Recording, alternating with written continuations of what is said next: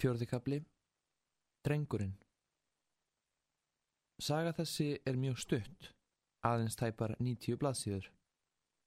Hún skiptist í áttakabla sem bera heitin Drengurinn og áinn, Drengurinn og hafið, Drengurinn og dagarnir, Drengurinn og dauðin, Drengurinn og lopnar logar, Drengurinn og dulrómurinn, Drengurinn og árin, Drengurinn og dular öblinn.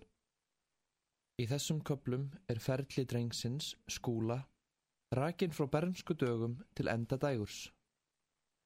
Ydri atbyrðir eru þó takmarkaðir við þið allra nöðsynlegasta. Megin áhersla er lögð á sálarlífslýsingu drengsins. Sagt er frá því hvernig tilfinninga og vitsmunalíf hans þróast, hver verða andleg verðmæti hans og hinn rauði þráður lífsans.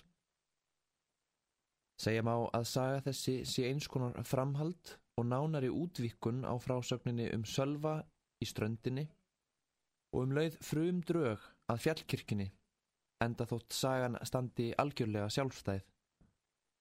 Allt er þetta sama personan, sölvi, skúli og öggi. Að er varðar bernsku ár skúla ber lýsingunni saman við fjallkirkuna í aðal efnum. Skúli er sveita drengur. Flist ungur með foreldrum sínum af bæ uppi til fjalla, þaðan sem ekki sér til sjávar, í hérað nálagt sjó. Hann hefur mikil samskipti við gamla konu, Maríu, sem er greinilega beggagamla. Móður hann steir meðan hann er barn. Ung fullorðin fer hann til útlanda. Megin frávik eru tvö. Í drengnum Koll siglir fadurinn sig á fyrðinum skömmu eftir lát móðurinnar og druknar. Skúli verður þá algjör einstæðingur. Hér setur Gunnar líklega í tákrænu formi fram þá staðrind að með móður sinni misti hann einnig föður sinn, enda þótt hann dægi ekki. Greipur kventast annari konu, heimili breyttist og auki varð þar aldrei annað en gestur. Ef til vill kemur hér einnig fram sama hemdarhugsunin og í borgarættinni, þar sem læri meistarinn Gral og fadurinn Örlegur eru látnir deyja. Hitt frávikið er að skúli verður ástfangin af frængusinni, dóttur móðursistu sinnar, í stað önnu í fjallkirkni. Og þessi frænga hans verður öll ást hans, hann getur aldrei glemt henni. Þetta frávik mun einnig vera sama eðlis og hitt. Innri veruleiki eða sálfræðileg staðreind er sett í stað ytri veruleika. Uggi elskaði Hildriði og önnu en þær voru ekki annað en tákn eina raunverulegu ástar hans á móðurinni, á seljulitlu á knerri, seljulitlu í Fáruvíkur fjöru. Réttir nú að rekja lauslega sögutráðin. Upphafið er að skúli skinnjar ána sem lifandi veru. Þau eru miklir vinir. Hún bjargaði eitt sinn lífans. Laungum stundum dvelst skúli hjá Anni og unir sér vel. Áinn hverfur í hafið. Hvað er hún að gera þangað? Deyr hún þar? Og ef svo er, því flýtir hún sér svo mikið. Skúli skilur setna að áinn deyr ekki hafinu, heldur saminast því. Hafið er dularfull vera, óendanlega stórt og ber margt í skauti sínu. Þar er margt ógnveikjandi, en líka margt dásamlegt.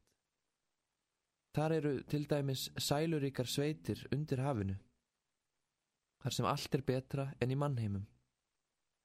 Út frá þessum hugmyndum þróast skilningur skúla á tímanum. Dagarnir eru eins og áinn. Þeir renna áfram og saminast eilífiðinni. Þannig reyndi skúli að átta sig á veldunni.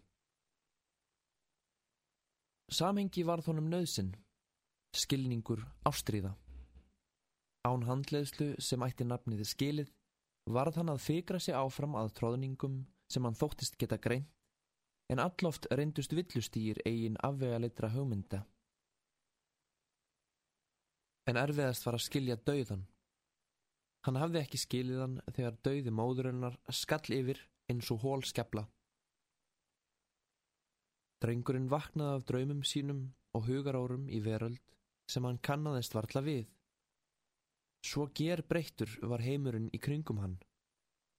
Dagarnir, solskinnið, gráminn, hver einasti hlutur hafði tekið á sig annarlegan blæ og ekki hvað síst draumar hans á nótt sem degi. Að lifa óttalauðs. Hann vissi ekki lengur hvað það var. Skúli átti litla samleið með öðrum unglingum. Stúlkan sem hann elskaði vildi ekki heldur líta við honum. Hann fekk oft orð í eira fyrir hvað hann var í leiðinlegur. Hann var kallaður þverhaus og ólundar gemlingur. Við það varð unglingurinn enþá styrðari og klauvalegri í framkomu. Hann þjáðist skelvilega af eigin ankannaleik og skilningsskorti umhverfisins. Þjáðist með þeim ódæmum sem heyrir til næskunni til. Honum leið einungis vel þegar hann var einn. Þá byggði hann sér skíaborgir. Í heimi hugmyndina er engin hlutur ómögulegur. Sá undra heimur var drengnum jafnan tiltækur, þangað flutti hann sig smám saman alfaren að heita mátti. Um hætturnar þar í landi vissi hann fátt. Og veldi náttúrunar stóð honum jafnan opið. Hafið varð aftur atkvarf hans og náttúran öll. Hann varð smám saman utangáta á dagstegum lífsins og ánetjaðist segðmagni náttúraabla, höfuðskeppna, sem mennskir menn telja dauðar.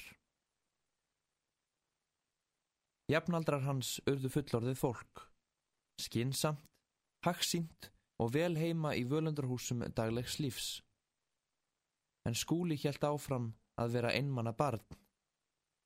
Aðrir voru að hans áliti meðlimir félagskapar sem aldrei myndi taka hann gildan. Sálarlíf skúla varð undarlega tvíþætt. Tvennir eldar brunnu innra með honum. Eldur harms og hamingju. Harmur lífs í mannheimum. Hamingja lífs í töfraheimum hugarflugs og náttúru. Þrá skúla til hafsins breytist í útþrá og þegar hann er orðin nægilega gamall siglir hann til útlanda og dvelst þar í þrjú ár. En árangur þeirrar dvalar verður svo einn að nú veit hann hvar hann á heima. Hann á heima á bernsku stöðum sínum. Klettarnir, fjöllin, dalir og gil skorur, hólar og kvammar, árnar og lækirnir. Ekkert af þessu var lengur alveg utan við hann. Það var hluti af honum sjálfum, eða hann af því. Landið í kring var ekki alveg eins nátengt honum og líkaminn, en það munaði minnstu. Haf og hauður áttur sér rattir sem hann skildi og þetta ekki mæltu þær mennskri tungu. Lítbreyði og andrumsloft voru af öðru tægi hér en á framhandslóðum, jafnvel myrkrið var annarar artar og honum á enga vísu fjandsamlegt. Hér vildi hann una æfi sinnar daga. Rósandi myndist hann hugarángus unglingsáranna, smásálarskaps sjálf sín, að hafa öfundað aðra velgengni eða frama sem ekki var öfundsverður, ómennskunar að hafa látið smánart rekja sig úr heimahögum. Skúli kemur nú heim til Íslands og sest að á bernskustöðum sínum. Hann krækti sér í kofa utarlagi þorpinu á samt báts skell. Þorpsbúum þótti að vonum lítið til hans koma og þeir kölluðu hann ónitjung og ætt lera. En skúli let það ekki á sig fá. Hann hafi fundið hlutverk sitt í lífunu og andlegt jafnvægi. Hann undi hag sínum vel. Hann var laus við allan metnað.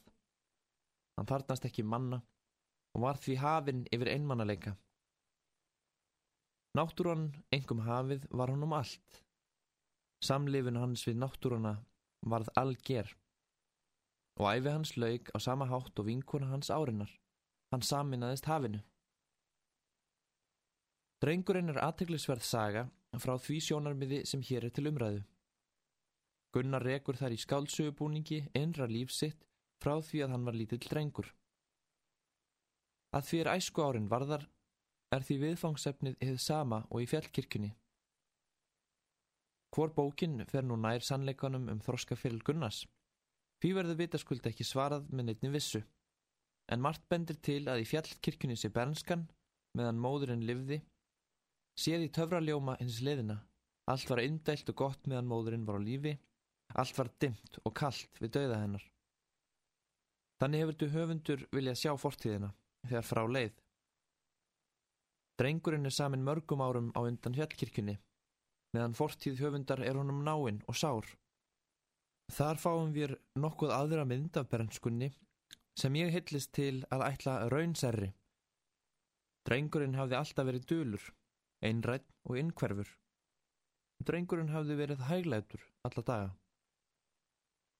Fóreldrarnir skildu hann ekki, botnuði ekki í grubli hans og hugarórum, þar afleiðandi þekktu þau hann ekki. Jafnvel foreldrum er annað tamara en að fylgjast með þróun barna sinna, segir hann með nokkur í beiskju. Eftir þessu að dæma hafa umskiptin ekki orðið en skífuleg við dauðamóðurinnar og fjallkirkjan gefur í skinn.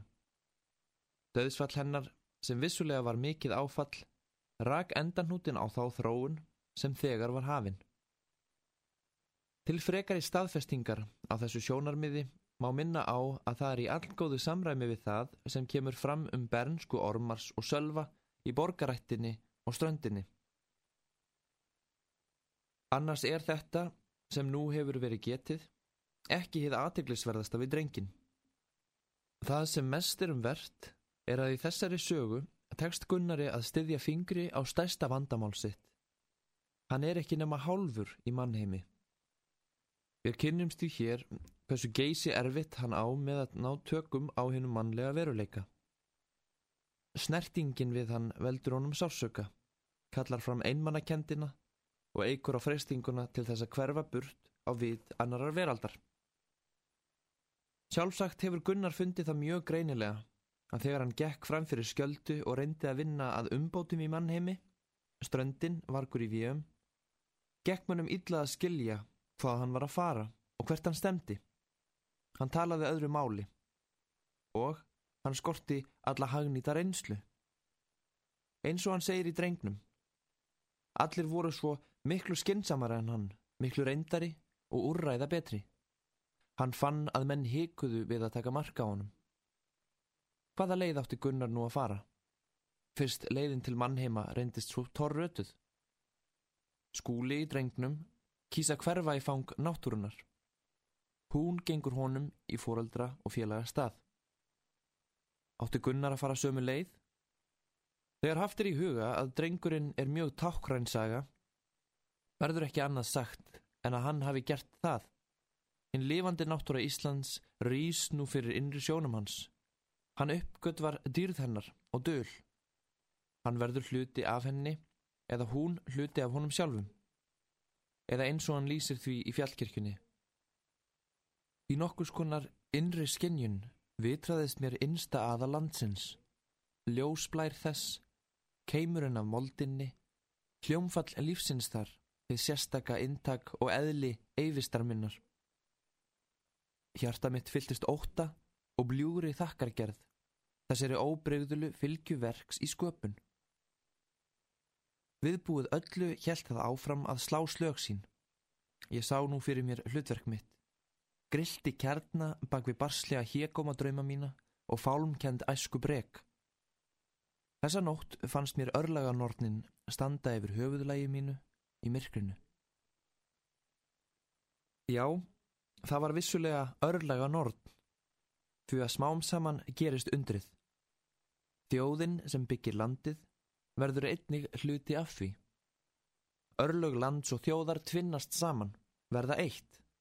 Mannheimar byrtast honum nú í nýju ljósi. Loksins finnur Gunnar tengsl sín við mannheim fyrir tilstyrk náttúrunar. Hún verður ljósmóðurinn. Sannarlega er þetta undur því að nú fyrir skaldskapur Gunnars að taka nýja stefnu. Nýtt skeiður hannur upp. Skaldskapurinn um samtvinnuð örlög lands og þjóðar.